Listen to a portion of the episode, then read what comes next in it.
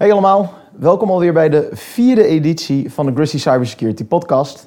En voor deze vierde editie zijn we ook naar een nieuwe locatie verhuisd, namelijk het Four Elements Hotel in Amsterdam op Eiburg. Dus ik heet jullie van harte welkom. Ehm, vandaag zijn we tijdreizigers. Wat we namelijk gaan doen is dat we eh, in de toekomst gaan kijken hoe mogelijkerwijs cybersecurity eruit zou kunnen zien over een jaar of vijf. Ehm, maar ja, dat kan ik niet zonder begeleiding doen. En eh, daarvoor eh, heb ik iemand ingeschakeld die het een en ander weet van uh, cybersecurity en die wellicht wat voorspellingen kan doen. Ehm, namelijk Jort Collery. Jort is de manager Security Architecture bij Orange Cyber Defense.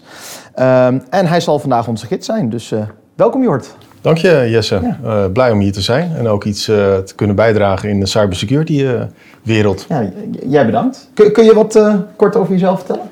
Nou, je zei het al, ik ben de manager van de security architecten bij Orange Cyber Defense. Wat wij doen, wij nemen organisaties mee op reis van een huidige situatie naar een gewenste situatie ten aanzien van informatiebeveiliging. Dus dat is wat anders dan wat ik daarvoor deed. Toen was ik verantwoordelijk voor de ethische hackers en de consultants.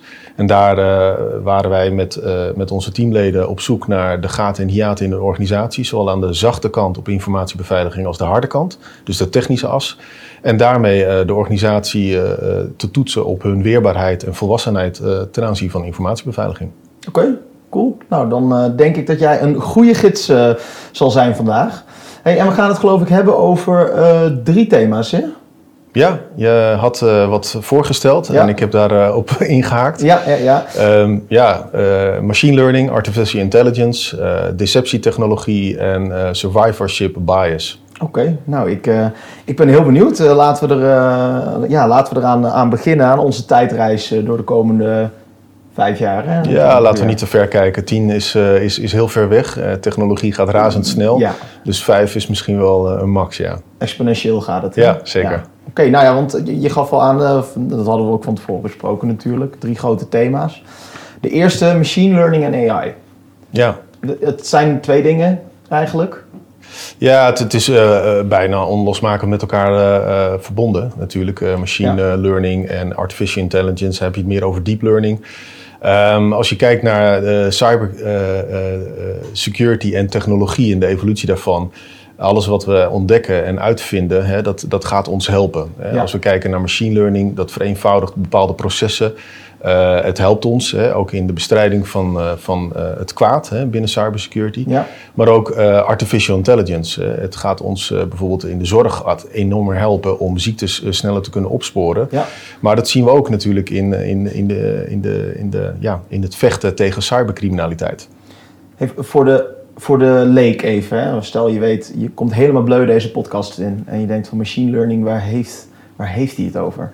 Kun jij heel kort vertellen wat jij onder machine learning verstaat? Nou, onder machine learning, om het uh, niet te diep en te technisch maken, hè, want dat was ja. eigenlijk uh, jouw wens uh, voor deze podcast, ja. is eigenlijk op basis van algoritmes dat er dus sneller gezocht kan worden door rekenkracht toe te passen. Okay. Ik denk dat dat misschien wel de meest simpele uitleg is. Ja, oké. Nou, ik, ik, denk daar kunnen, we ook, daar kunnen we ook wel wat mee. Wat zijn dan, want we gaan natuurlijk hebben over, we hebben het over machine learning en AI en het snijvlak met cybersecurity, security. Wat zijn, wat zijn een aantal risico's uh, die er zijn van, de, van die technologie? Nou ja, met alle technologie die we eigenlijk uh, uitvinden en, en toepassen in de maatschappij, in de wereld, ja, zit er ook een risico altijd verbonden. Hè. Alles wat we uitvinden kan tegen ons gebruikt worden. En dat hebben we gezien bijvoorbeeld met encryptie. encryptie werd toegepast om onze datastromen, om onze informatie veilig te stellen. Uh, nou ja, de keerzijde daarvan is, is dat uh, kwaadwillenden, cybercriminelen, dat hebben ingezet om uh, hun activiteiten te maskeren. Ja. En zelfs verder ook om bijvoorbeeld ransomware te deployen bij organisaties en zodoende inderdaad losgeld te eisen. Het gaat zelfs verder hè, dat wij bepaalde technieken hebben ingezet, bijvoorbeeld sandboxes, om bijvoorbeeld onbekende malware uh, in een uh, in virtuele omgeving uh, in te zetten en te laten draaien om te kijken van hè, ontpopt zich dat tot kwaadaardige ja, dus malware. Even, wat je eigenlijk doet is je zet, dat, je zet die malware of die ransomware of weet ik veel wat, dat zet je uit in een bepaalde omgeving waar het geen kwaad kan ja. om te zien wat, het, wat er gebeurt. Om te kijken wat het gedrag is ja. en op basis daarvan om dan bepaalde data door te laten of dan tegen te houden. Ja, je ziet dat uh, de ontwikkelaars van, uh, van kwaadaardige malware daar ook in staat waren om inderdaad virtuele omgevingen, sandboxes dus, te herkennen en die dus te bypassen. Dus dat is eigenlijk een beetje de evolutie van technologie, hoe uh, wij dat toepassen en hoe dat misbruikt wordt. Ja. En in de toekomst ver wegkijken zou misschien machine learning, ja, dan zou je misschien machine learning malware kunnen krijgen. Ja, hoe gaan we dat dan als cybersecurity partijen, gaan we dat tegen? Ja, want dan moet je er dus voor zorgen, begrijp ik, dat je altijd als mens slimmer bent dan die computer die, het, die de rekenkracht toepast. Uh, ja, om, om, dat, om de malware succesvol te laten zijn, zeg maar. Ja, klopt. ja. En, en we moeten ook ons afvragen in hoeverre laten we de technologie zo ver los dat wij niet meer in staat zijn om de controle te behouden. Hoe, hoe, denk je dan hoe denk je dat, we dat, dat we daarmee omgaan in de komende paar jaren? Nou ja, we, we zijn, uh, we zijn heel erg tech-savvy. We omarmen eigenlijk iedere nieuwe technologie alsof het vanzelfsprekend uh, is. Uh, en daar zit ook het grote gevaar in. dat hebben we ook nooit zo gezien met bijvoorbeeld Facebook. Hè. Facebook was in de beginjaren heel erg leuk. maar het gaat steeds verder. En dan zien eigenlijk ja, de mensen, althans een aantal mensen, zien daar de grote gevaren van in. Ja. we geven eigenlijk onze identiteit en onze privacy ook veel te gemakkelijk op. En dat doen we eigenlijk ook met technologie. Hetzelfde is ook bijvoorbeeld met mass surveillance en facial recognition. Het helpt ons in de maatschappij veiliger te maken. In het begin was er nog wel van, ja, ik heb niks te verbergen. Maar nu zie je langzamerhand dat er steeds meer camera's komen. En dat die camera's ook intelligenter worden door bepaalde facial recognition software. Ook een bepaalde AI. Ook weer AI-driven inderdaad. Ja. waarbij dus wel toch een, een, grotere dreiging komt op van hè, het, het, het fundamentele recht van de mens is het recht hebben op privacy. Ja, dus jij zegt ook eigenlijk, hè, de, de, de podcast gaat natuurlijk over cybersecurity, maar dit gaat nog veel verder dan dat. Of ja, dit is de, de, de toekomst. Hè. Kijk, het is niet zo van dat we uh, de evolutie tegen kunnen gaan. En dat wij nu al beslissingen moeten nemen: gaan we dit wel doen of gaan we dit niet doen? Ja. Uh, iedere technologie die wordt uitgevonden, hetzelfde als als deepfakes. Daar heb je ook uh, een, een, podcast over gemaakt. Maar dan hoe kun je deepfakes gaan bestrijden, hè, tegengaan? Ja, deepfakes is eigenlijk gelanceerd als echt heel iets moois, hè, innovatief, nieuw. en het, we lachen er allemaal om. Maar ja, wat als het dus inderdaad op een, met een kwade bedoeling wordt ingezet? Hè? Dus dat er mis- of desinformatie verspreid wordt. Waarbij dus landen of mensen de verkeerde reactie op kunnen nemen en dan verkeerde beslissingen nemen. Ja, ja, daar heb ik inderdaad in, die, in mijn allereerste aflevering daar ook al even over gehad. En dat, dat is natuurlijk een heel. Ik denk dat dat voorbeeld van deepfakes, dat spreekt, dat spreekt heel erg ter verbeelding. Um, omdat het daarmee ja, eh, door een machine gemaakte menselijke gezichten onder andere. Of, dat is natuurlijk iets heel, iets heel bijzonders. Daar wordt het denk ik wel tastbaarder eh, van. Hoe, um, hoe, hoe, denk jij dat... Um, op, op wat voor manieren gaat het nog meer tegen ons gebruikt worden? Laten we het even dan houden bij het, het beveiligen van je organisatie. Of je, hoe, Zie je nu al veel gebeuren? Dat, dat machine learning en AI, dat dat veel ingezet wordt? Nou, de, de deepfakes hè, bijvoorbeeld, hè, daar is dus uh, al uh, pogingen tot gedaan. ik weet dat er uh, in de media een keer een melding was gedaan dat, dat er CEO-fraude is ontstaan door het inzetten van deepfakes. Waarbij dus een medewerker dacht van dat hij dus inderdaad met de CEO had te maken en ja, een paar ton had overgemaakt. dus je ziet dat het eigenlijk al wel wordt toegepast. Ja. Uh, kijk, deepfakes is één daarvan, maar ook bijvoorbeeld, uh, er is een website, This Person Does Not Exist. daar kan je dus AI-gegenereerde gezichten of plaatjes maken. die worden ook weer toegepast om het, het aanmaken van nepprofielen op social media. Ja. En met die nepprofielen worden weer dus social engineering activiteiten ontplooid. Dus je ziet, ook al is het maar een hele kleine of on, lijkt het onschuldig, het kan grote gevolgen hebben voor organisaties. Ja, ja, ja dat, eh, dat, dat, dat, lijkt me inderdaad. Ja, je had het ook in onze voorbereiding, had jij het over encryptie, gedreven door AI en machine learning. En dat dat ook een groot gevaar kon, uh, kon worden. En dat het eigenlijk nu, uh, encryptie is natuurlijk uitgevonden juist om dingen goed te kunnen beveiligen. Uh, maar je gaf toen aan dat het ook tegen ons gebruikt kan worden.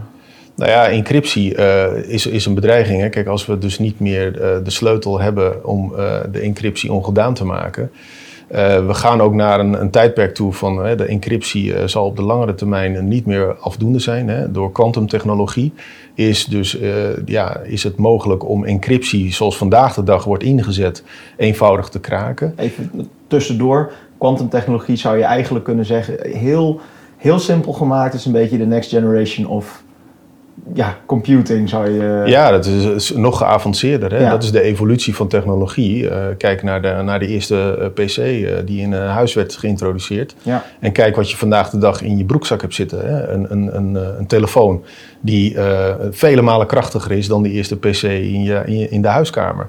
En dat is die verdere doorontwikkeling die, die groter wordt. Oké, ja. Um, hoe, um, hoe, gaan we dat, uh, hoe gaan we dat bijvoorbeeld tegen? laat ik het anders zeggen. De, we hebben het natuurlijk over de komende vijf jaar. Uh, zijn jullie daar nu met Orange al mee bezig om, om, om daar dingen tegen te ontwikkelen? Of om... Ja, wij kijken heel erg naar, uh, naar de toekomst. Orange Cyber Defense is een datagedreven organisatie. maar wij kijken ook in, met de verrekijker naar de toekomst om te kijken van wat voor nieuwe ontwikkelingen zijn er in de markt. en wat doet ook de kwade boze buitenwereld. En daar proberen we inderdaad uh, op, op ons op voor te bereiden, maar ook onze klanten daarin in mee te nemen. Uh, het is heel lastig om voor alles wat wordt bedacht meteen een antwoord te hebben. Dat weet je niet. Hè. Er moet eerst iets gebeuren en dan gaat eigenlijk het beveiligingsmechanisme werken dat wij daar iets op gaan bedenken. Dus dat zal, uh, de toekomst zal dat uit moeten wijzen. Ja, dat moeten we misschien ook maar eens om gaan draaien. Van dat, dat hele reactieve, dat moet, als ik jou zo hoor, moet dat denk ik veel meer naar een punt toe gaan waarbij je proactief aan dat soort dingen werkt. En dat je dus gaat kijken van. Uh, nou, dat is denk ik een heel mooi bruggetje naar, naar het volgende thema. Uh, dus deception technology. Ja. Uh, want jij gaf daarbij aan, en daar moet je zelf maar even wat meer over vertellen dan, is dat je, dat je veel meer lering kan gaan trekken eigenlijk uit de aanvallen. En dat je dat dan kan gebruiken om ja, het voor te zijn in plaats van dat je heel reactief bent. Ja. Dat klopt, hè? Dat ik, uh... Ja, klopt helemaal. Ik, ik, uh, ik, ik, ik, ik, benoem dat eigenlijk al uh, een aantal jaren. Hè, dat we van een hele defensieve, reactieve houding eigenlijk meer naar een offensieve en proactieve houding moeten gaan. Om eigenlijk het kwaad tegen te gaan. Hè, de, de, eigenlijk de, de, de, de kans op een risico te minimaliseren. En deceptietechnologie is een van de voorbeelden daarvan. Het draait om misleiding. Uh, en deceptie bestaat al uh, decennia. Het is niks nieuws, alleen het wordt nu ook eigenlijk in uh, de technologie wordt het toegepast. Um, organisaties zitten in hun torentje, wachten op de volgende aanval. en net zoals met ethical hacking uh, kun je daar ook een stukje voor zijn door proactief hè, jezelf te laten toetsen en daar lering uit te trekken om vervolgens uh, het laaghangend fruit, maar ook uh, misconfiguraties eigenlijk te elimineren, zodat je ja, beveiliging eigenlijk een stuk hoger wordt. Ja. hoe doe je dat dan als organisatie? Hoe, hoe, hoe ja, ehm, wat, jij nu, wat jij nu aangeeft, ehm, hoe, hoe begin je daarmee? Wat zou je kunnen doen? Met uh, ethical hacking bedoel je? Nou, nee, je bedoelt dus dat, dat uh, lering trekken uit aanvallen, ervoor zorgen dat je proactief daarmee in de slag gaat. Dat je, heb je het dan inderdaad gewoon echt over het ethical hacking zoals het nu nog gebeurt? Ja, zeker. Okay. Daar zijn ja. organisaties nog steeds uh, ja, niet, ja. niet voldoende mee bezig. Hè. Het is het, het, het, blootleggen van het aanvalsoppervlakte als het ware. Dat is dan misschien zelfs stap 1, want ik dacht eigenlijk dat we nogal verder waren. Maar misschien dat juist een hele hoop organisaties al heel erg gebaat bij, erbij zouden zijn als ze überhaupt een penetratietest zouden doen. ja, zeker. ja. ja, en niet één keer, hè, maar regelmatig. Hè? Ja. Want uh, organisaties zijn in beweging. Je moet eigenlijk regelmatig je eigen organisatie uh, onderzoeken en testen om die weerbaarheid op, op peil te houden. Ja. kijk, 100% beveiliging bestaat niet, maar je kan in ieder geval een poging doen om dat ja. te benaderen. Kijk, en die, die proactieve houding, deceptietechnologie bijvoorbeeld, is daar een voorbeeld van. je gaat uh, deceptie toepassen om de aanvaller eigenlijk te misleiden een misstap te maken. Want wat zien wij in de beveiliging? Is dat wij topsport moeten verlenen. Wij moeten altijd maar klaar zijn en we kunnen geen misstap veroorloven. Want dat betekent dus dat een aanvaller binnen is. En uh, gemiddeld duurt het uh, een x aantal dagen voordat een aanvaller eigenlijk gedetecteerd wordt. Dus dat betekent dus dat die kwetsbaarheid in een organisatie gigantisch hoog is. Ja. En met deceptietechnologie ga je eigenlijk soort wat decoys neerzetten... waarmee je lering gaat trekken van waar de aanvaller eigenlijk naar op zoek is. Eigenlijk een beetje zoiets wat we vroeger deden met honeypots... Daar had je honeypots uh, voor uh, onderzoeksdoeleinden, uh, maar ook echt inderdaad om te kijken van wie, wie is op zoek naar bepaalde data of informatie. Nou, wat we eigenlijk daarmee kregen is statische informatie van waar komt de aanvaller vandaan, noem maar op en zo. En dat was eigenlijk niet wat we vandaag de dag nodig hebben. En deceptietechnologie gaat een stuk verder. En je wil die misstap eigenlijk dat die aanvaller begaat, om vervolgens daarmee in ieder geval te weten van hé, hey, er is een aanval gaande. Hè. Men, is op ons uh, men heeft het op ons gemut, gemunt. En met die informatie die je eruit trekt, kan je dus je weerbaarheid nogmaals, nogmaals beter gaan verhogen. Ja. Ja, dus je gaat dan eigenlijk, uh, zeg je als organisatie, wij laten onszelf hacken, maar we doen het, we proberen die hacker, hackers, groeperingen, wat dan ook, in een omgeving te lokken waar ze geen schade aan kunnen doen, Klopt, aan ja. kunnen richten. Ja. Zodat we daarmee wel weten wat ze doen, hoe ze het doen, dat we überhaupt in het vizier uh, zijn. Uh, en daaruit dus lering te trekken. Klopt, en, en eigenlijk de illusie wekken dat de aanvaller uh, ja, een, een, een, een winnaarsmentaliteit erop heeft van het is mij gelukt, ik ben binnen binnen de organisatie. Ja. Maar eigenlijk ben je gewoon de aanvaller aan het schaduwen en eigenlijk precies weten wat hij allemaal doet. Is dat niet heel gevaarlijk voor je organisatie ook? Kan dat, kan dat niet misgaan? Of... Nou ja, kijk, alles kan misgaan. Dat, dat moet ik niet ontkennen. Um, maar wat wel zo is, is dat je het wel goed ingericht, moet hebben. Dus je moet het gesegmenteerd gaan, gaan deployen in je, in je omgeving. En dat moet natuurlijk ook weer niet zo obvious zijn dat, dat de was buiten hangt en dat je het zo makkelijk mee kan nemen. Ja, oké, oké.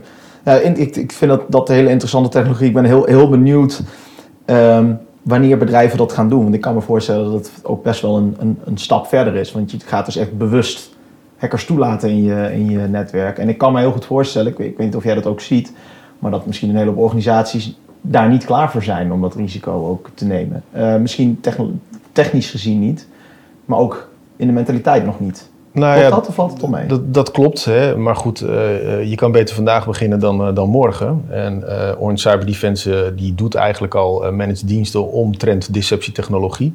En dat kan op iedere organisatie kan dat, geschaald en geïmplementeerd worden. Oké, okay, heel goed. We hadden in onze voorbereiding had jij nog een, een, interessant puntje genoemd. En daar gaan we komen een beetje in een, in juridisch grijsgebied terecht volgens mij. Of misschien zelfs helemaal niet grijs. Okay. Je had het over terughacken door bedrijven. Oh ja, terughacken, ja. Ja, daar word ik altijd inderdaad ook altijd gechallenged intern in de organisatie. Ja. En uh, terughacken mag niet. Nee. Hè, want in principe uh, ben je dan strafbaar. en, en dat is heel lastig.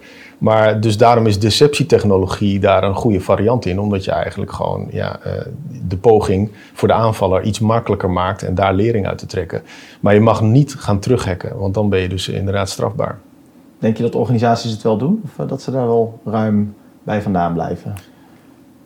Uh, de, de, de kans bestaat. Okay. Uh, in principe mag je, als je geslagen wordt, mag je ook niet terugslaan. Hè? Uh, je mag jezelf wel verdedigen, maar de grens is van wat is verdediging? Ja. dat zal altijd in de rechtszaak moeten blijken. en tot wanneer is die verdediging gegeven? En daarna ben je eigenlijk voorbij verdediging gegaan. Dan ben je dus in de aanvallersmodus terechtgekomen. Denk, jij dat dat, denk je dat het zou kunnen hebben? Stel, we zouden het op een tot een bepaalde hoogte wel toelaten. Dus dat misschien de aanvaller zelf wat te vrezen krijgt. Van ja, maar als wij dat proberen, dan is er een risico dat wij zelf gepakt worden. Uh, die kans is, uh, is daar uh, inderdaad aanwezig. Dat je in een rechtszaak verwikkeld raakt. En, en, dat je dus inderdaad ja, moet boeten voor datgene wat je hebt gedaan. Ik denk dat het ook goed is voor organisaties dat als, als er dus inderdaad iets heeft voorgevallen en je wilt terugslaan. Dan is dat het beste middel om dat met de overheid te doen. Hè, zij hebben wel bevoegdheden, ook op de digitale snelweg, die uh, wij niet hebben. Uh, maar dat je wel daarmee uh, arm in arm ten strijde kunt gaan. Ja, dat lijkt me een betere aanpak. Altijd gewoon melden, ervoor zorgen dat de juiste instanties ervan weten en daarmee samenwerken. Ja, zeker. En dat hebben we natuurlijk ook wel gezien inderdaad in de afgelopen periode. Dat er steeds meer organisaties naar buiten treden met wat er is, bij hun is gebeurd. En daar ook dat andere organisaties daar lering uit kunnen trekken. Ja.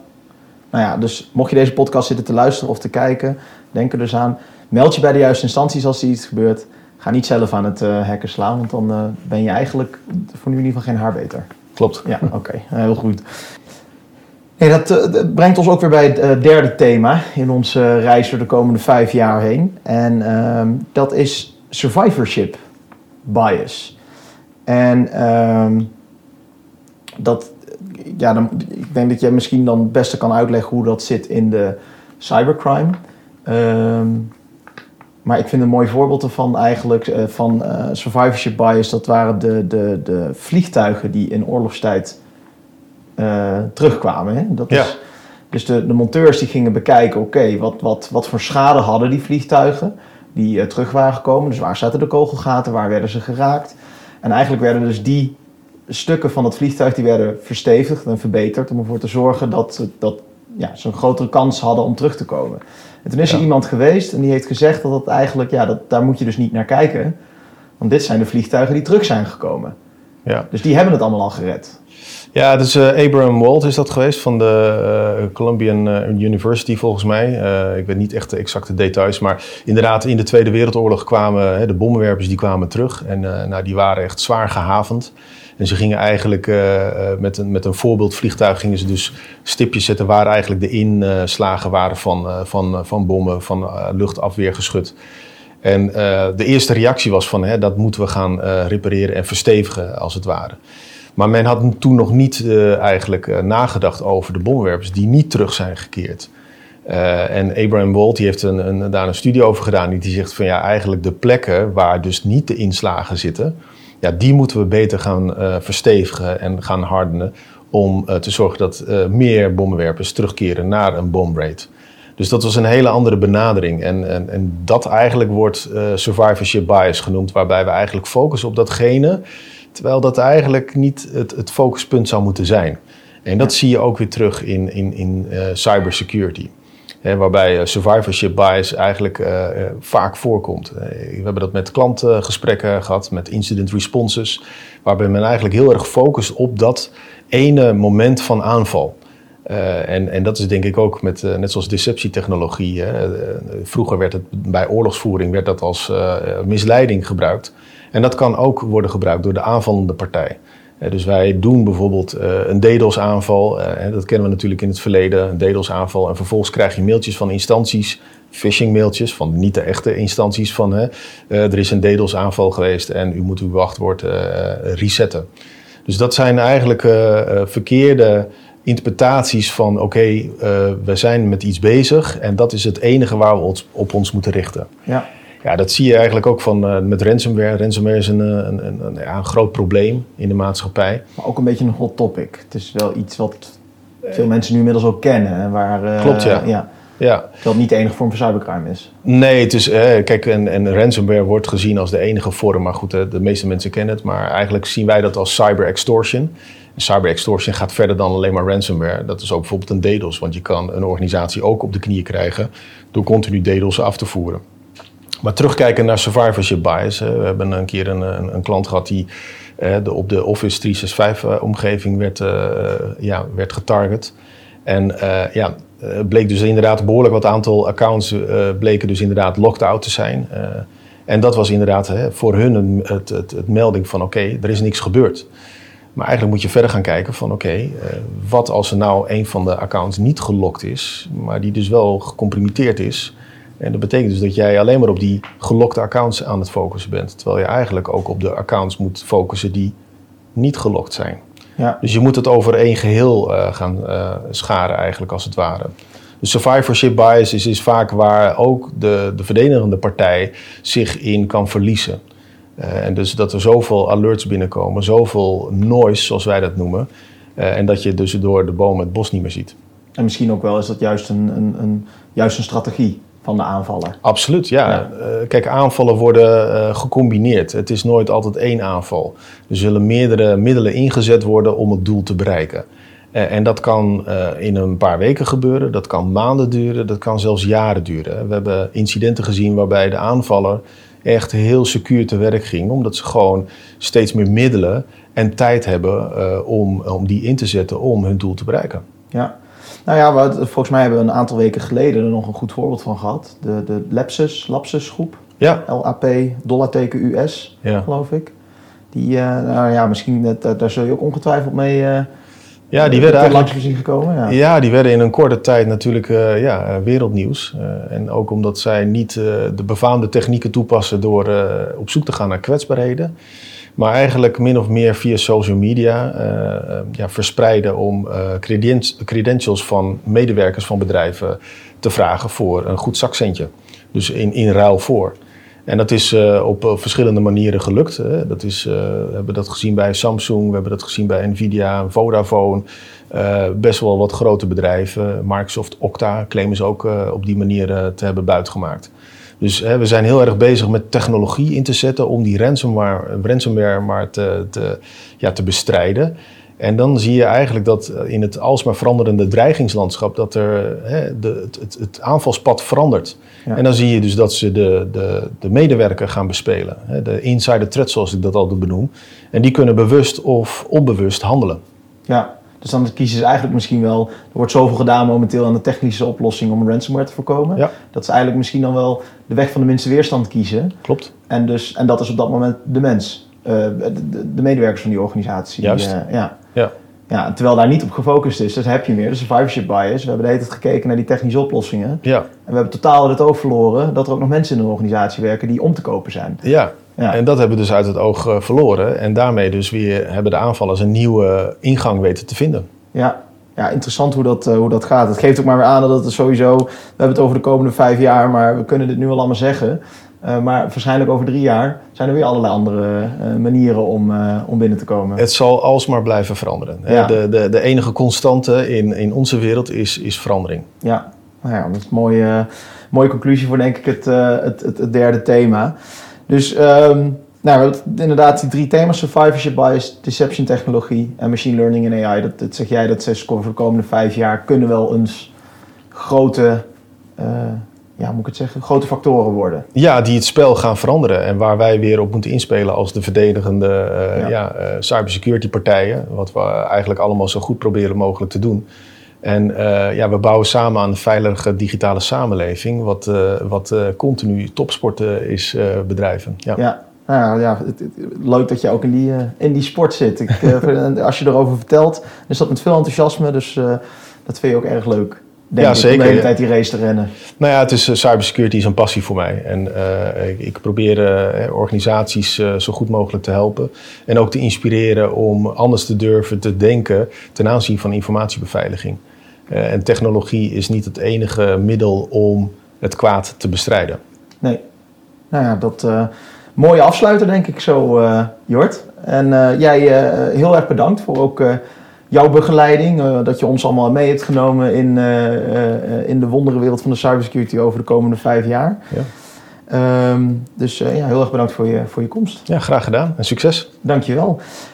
Nou, ik ben heel benieuwd wat jullie van deze podcast vonden. Dus als je hem via Apple luistert, dan kun je daar een reactie achterlaten. En anders hoor ik het ook heel graag direct van jullie. Dan mag je het onder de LinkedIn-post achterlaten of je mag even mailen. Um, en um, ja, hartstikke bedankt voor het luisteren naar deze vierde editie van de Grassy Cybersecurity Podcast vanuit het Four Elements in Amsterdam.